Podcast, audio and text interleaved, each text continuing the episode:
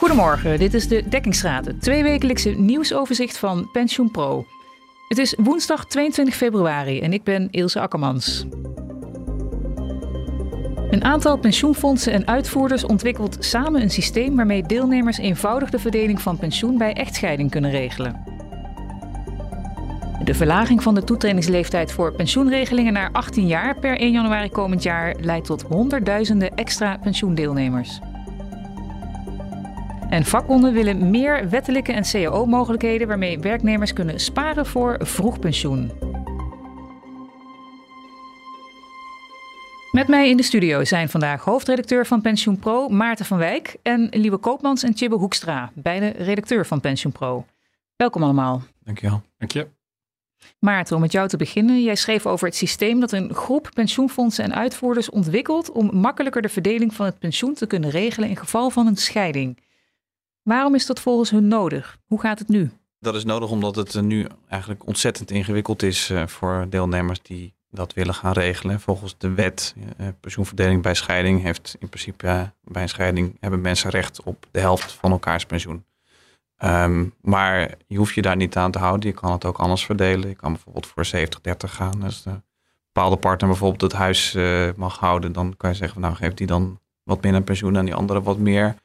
En er zijn nog best wel een hoop andere keuzes die je kan maken rondom nabestaande pensioen, um, ja, zelfstandig maken van pensioenrechten, dat soort zaken.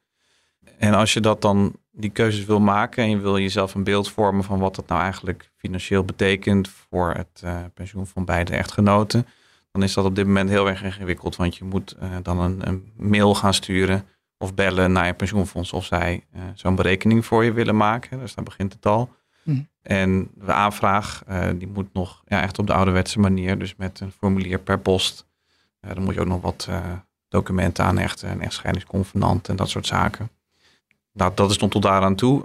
wanneer het echt complex wordt is, en dat geldt voor heel veel mensen, de meeste mensen hebben hun pensioen niet op één plek. Maar die hebben een carrière gehad en die hebben het waarschijnlijk over meerdere pensioenfondsen verdeeld.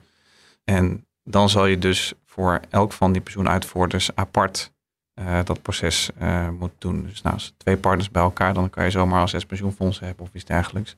Nou, dan ben je nog wel eventjes bezig. Dus ja, daar is dit uh, voor bedoeld. En wat willen de fondsen nu precies gaan ontwikkelen? Hoe ziet hun plan eruit? Ja, ze gaan iets maken, dat noemen ze een applicatie. waarschijnlijk in de praktijk een mobiele app, maar het zou ook bijvoorbeeld een website kunnen zijn. en om te beginnen is het de bedoeling dat ehm, uitvoerdersgegevens daar gaan uitwisselen van dat, dat al die gegevens zeg maar bij elkaar komen van die verschillende eh, pensioenfondsen. Mhm. Ehm, en als deelnemer of als uh, stel wat in scheiding ligt, zou je dan met die, naar die app kunnen toegaan of naar die website. En dan kan je allebei inloggen met bijvoorbeeld je DigiD. En dan zie je al die gegevens van elkaars pensioen bij elkaar. En dan kan je gewoon, heb je, nou, geven ze bijvoorbeeld een schuifje, 50% dat is het wettelijke standaard, maar je kan ook zeggen 70-30. Dan kan je gewoon een beetje heen en weer schuiven. En dan zie je, zal ik maar zeggen, de uitkomst uh, die, dat, uh, die dat gaat opleveren. Dus dan kan je dat uh, ja, live bekijken. En hopelijk zul je dan ook in één moeite door dus de aanvraag daarvoor kunnen doen bij de pensioenuitvoerders. Het zou eventueel nog natuurlijk met hulp kunnen van een notaris of een echtscheidingsadvocaat of zo. Misschien kunnen mensen het ook gewoon thuis op de bank doen. Ja, dat kan dan bij alle uitvoerders waar je iets, uh, waar je recht hebt opgebouwd. Ja, en het, het, het aardige daaraan is dat het zeg maar niet beperkt blijft tot dit. En dat is eigenlijk een soort begin van een samenwerking tussen, uh, tussen al die pensioenfondsen. Want er zijn natuurlijk veel meer van dit soort processen. Ja, dus denk, denken ze aan bijvoorbeeld een hoog-laag pensioen. En dat je bij de uitkering zegt van ik wil eerst wat hogere uitkering en daarna wat lager. Binnenkort komt er ook de lump sum aan. Dat is de andere mogelijkheid die mensen krijgen. 10% van hun pensioen. Mm vroeger pensioen, nou, dat zijn allemaal op zich dingen die uh, best ingewikkeld zijn. Als je dat uh, moet bepalen voor pensioen wat verspreid is over meerdere uitvoerders. Dus ook dat zijn allemaal dingen die je er baat bij zouden hebben als je dat soort in een gezamenlijke applicatie kan doen. En nou, dat is best wel bijzonder dat daar zo'n brede samenwerking nu is ontstaan om dat dus voor elkaar te krijgen. Dat je bij elkaar kan halen. Ja, ja, en de mobiele app die moet er begin uh, komend jaar zijn. Is dat niet al heel snel voor een systeem wat misschien ook best ingewikkeld is? Ja, dat zou je wel zeggen inderdaad. Ja, boel ervaring met ICT-projecten leert altijd dat het soms langer kan duren dan je denkt. Ik weet niet precies uh, of dat haalbaar is of niet. Ik kan daar niet in de, in de keuken kijken. ja, ik vermoed dat ze zeggen begin 24 dat wel echt om een eerste demonstratie zal gaan. Ik weet niet of dan bijvoorbeeld al iedereen is aangesloten. Hè, want het moet natuurlijk ontwikkeld worden. Maar je moet ook zorgen dat al die pensioenuitvoerders, pensioenfondsen, ook verzekeraars wellicht, ook daadwerkelijk worden aangesloten. Uh, en dan vervolgens moet het ook nog, zou maar zeggen, aangeboden worden. Uh, dus een pensioen, uh, het is niet per se één app. het idee is eigenlijk dat ze de machinerie ontwikkelen waarmee pensioenuitvoerders zelf zo'n app kunnen aanbieden. Of een, bijvoorbeeld een notaris zou dat ook misschien kunnen gebruiken. Dus het is eigenlijk een soort van het onderliggende mechanisme wat nu gebouwd wordt. En daarna kan je op allerlei plekken, verzekeraars, iedereen kan dat dan, die daar toegerechtigd is, kan dat gebruiken om dit soort services te bieden. Dus ik denk dat 2024 een eerste demo zal zijn, gok ik. Dankjewel, Maarten. Dag. Honderdduizenden extra pensioendeelnemers door de verlaging van de toetredingsleeftijd voor pensioenregelingen naar 18 jaar per 1 januari komend jaar. Jibbe, voor je artikel hierover heb jij een inventarisatie gedaan onder pensioenfondsen in bedrijfstakken met relatief veel jonge werknemers. Hoeveel deelnemers komen er precies bij en bij welke pensioenfondsen vooral? Nou, het gaat dus om de, om de groep 18 tot 21-jarigen, want eh, bij de meeste pensioenregelingen is de toetredingsleeftijd dus op dit moment 21. Hm. Nou, waar hebben we die, uh, die jongeren vooral? Het zijn drie fondsen. Uh, horeca en catering, STIP voor de uitzendsector en detailhandel. En dan gaat het bij elkaar ongeveer ja, om een getal tussen de 2 en 300.000. Want veel fondsen weten nog niet precies uh, hoeveel, er, uh, hoeveel leden ze erbij kunnen krijgen. Mm. Pensioenfonds TIP krijgt uh, de meeste mensen erbij. 170.000 verwachten ze per 1 januari volgend jaar. Dat zou een stijging van het aantal actieve deelnemers zijn van meer dan 50%, want ze hebben er nu ongeveer 300.000. Maar er moet wel bij aangetekend worden dat het merendeel van die nieuwelingen, dat zijn er 100.000, het gevolg is van de afschaffing van de wachttijd voor de pensioenopbouw van acht weken dat betekent dat uh, werknemers die korter dan acht weken in dienst zijn geen pensioen opbouwen. Mm. Dat is ook een onderdeel van de wet toekomstpensioenen dat uh, dat ook bij januari 2024 uh, eh, wordt afgeschaft. Maar zonder die 100.000 heb je nog steeds 70.000 extra deelnemers als gevolg van de, van de verlaging van de toetredingsleeftijd. Dan hebben we verder horeca, horeca en catering. Die verwachten puur vanwege die verlaging van de toetredingsleeftijd de meeste nieuwe deelnemers, 140.000.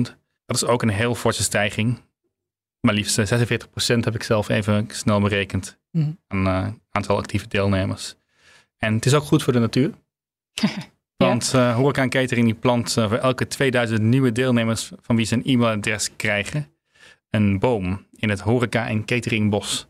Dus dat zou dan 70 extra bomen betekenen. Zo. Waar uh, is dat uh, horeca en catering? Nou, dat is niet één bos blijkt. Dat is uh, in het Nieuwe Woud geloof ik in Brabant. Maar dat is ook in Afrika op verschillende plekken. Dus dat is niet één bos.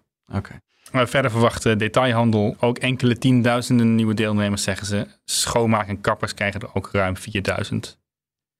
met name voor kappers zijn de gevolgen heel groot, omdat het geen franchise heeft. Dat betekent dat werknemers daar voor elke euro salaris pensioen opbouwen levensmiddelen en detailhandel, daar, uh, daar geldt omgekeerde voor. Daar hebben ze, hebben ze een franchise van ruim 16.000 euro. Wat dus betekent dat mensen pas pensioen opbouwen als ze meer dan 16.000 euro verdienen. En omdat heel veel werk, jongere werknemers in die sectoren eh, in deeltijd werken, zullen ze dan niet in aanmerking komen voor pensioenopbouw. Ja. Verder zijn, zijn er ook nog natuurlijk kleinere fondsen zoals banden en wielen of groothandel of lab. Ja, die verwachten hooguit een paar honderd nieuwe deelnemers. En wat vinden de pensioenfondsen van de toename van, uh, van het aantal deelnemers? Zitten ze daarop te wachten? Nou, over het algemeen zijn ze wel blij met die verlaging. Want ze krijgen er meer, meer mensen bij. Vinden ze mhm. altijd fijn. Uh, want meer deelnemers met hetzelfde werkgeversbestand zoals uh, voorzitter Gerard van der Kuilen van Kappers zei. Ja, dat zorgt ervoor dat je de kosten over de meer deelnemers uit, uit kunt smeren. En per saldo dus minder kosten per deelnemer hebt. Ja. Uh, horeca en catering zijn ongeveer hetzelfde. Die zeggen dat ze vanwege hun sterk geautomatiseerde en gedigitaliseerde bedrijfsvoering nauwelijks extra kosten zullen hebben door het stijgende aantal deelnemers.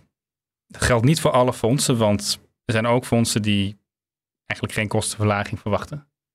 Banden en Wielen bijvoorbeeld, die lieten weten dat het voor hen, ervan afhangt hoe lang die extra deelnemers nou bij het fonds blijven. Stel dat die uh, snel weer uit dienst gaan en dan slapen worden, dan ja, zal het juist negatief zijn voor de kosten. Ja. En wat merken die jongeren zo meteen van de wetswijziging? Ja, dat geldt zeker voor kappers, omdat daar dus iedereen uh, pensioen opbouwt. Dus ook als jij maar uh, een paar dagen per week werkt. Dat betekent dat zij ineens pensioen gaan opbouwen, maar betekent ook dat zij dus een lage netto loon op een loonstrookje zullen zien. Mhm. En ja, Van de Kuilen zegt ja, heel belangrijk om hiervoor ook, ook draagvlak bij de jongeren te creëren, is dat, het, dat ze dat van tevoren weten. Dat kunnen pensioenfondsen niet zelf onder de aandacht brengen, want ja, ze hebben die, de contactgegevens van de deelnemers nog niet, krijgen ze pas op 1 januari. Ja. Dus werkgevers die zouden, zullen dat moeten doen. Die zullen die deelnemers erop moeten voorbereiden dat zij straks pensioen gaan opbouwen. En wat voor gevolgen dat heeft voor hun uh, beschikbaar inkomen. Ja. En wat voor percentage moeten we dan denken? Bij kappers bedraagt de premie 13,9% van het bruto inkomen, waarvan de helft wordt betaald door de werknemer. Dus als je 1000 euro uh, bruto hebt, zou dat uh, even snelle berekening, ja 7% dus daarvan zijn. Mhm. En dat is 70 euro per maand. Ja. Dankjewel, Chibbe. Vakbonden willen meer wettelijke en cao-mogelijkheden waarmee werknemers kunnen sparen voor hun vroeg pensioen. Liewe, voor het artikel daarover heb jij gesproken met een aantal vakbonden. Ja. De bonden denken er bijvoorbeeld aan om uitbetaalde verlofdagen en de overwerktoeslag in te zetten voor pensioen. Wat is er mis met de huidige regelingen en, en waarom zoeken de vakbonden nieuwe mogelijkheden? Nou, de regelingen die er nu zijn, die hebben een aantal nadelen. Veel sectoren werken nu met uh, het generatiepact. En ja, dat is eigenlijk alleen maar een soort van deeltijdpensioen. Uh, dus echt geschikt als je echt wil stoppen eerder met werken, dan, uh, dan is dat niet zo geschikt. De RVU-regeling die heeft als nadeel dat de uitkering die door de werkgever wordt gedaan nogal laag is. Dat is AOW-niveau. Mm. Ja, dan moet je of op een houtje bijten, of je moet extra spaargeld inzetten, of je moet pensioen naar voren halen. Dus dat is ehm, op zich kan dat natuurlijk, maar als je dat pensioen naar voren haalt, dan na je echte pensioendatum, dan hou je minder over. Dus dat is natuurlijk ook een nadeel. Mhm. En veel mensen die doen ook aan uh, het opsparen van de verlofdagen. Dat uh, kun je maximaal 100 weken doen, maar daar, een nadeel daarvan is dat de werkgever daar meestal niet uh, heel erg blij van wordt als je heel veel dagen op hebt gespaard. werknemers die kunnen het ook niet meenemen naar een andere werkgever. En wat ook nog speelt is dat mocht een bedrijf omvallen, failliet gaan, dan ja, ben je ook je verlofdagen kwijt. Dus dat, ja, daar zit ook echt wel een risico aan. Ja. En wat stellen de vakbonden nu voor?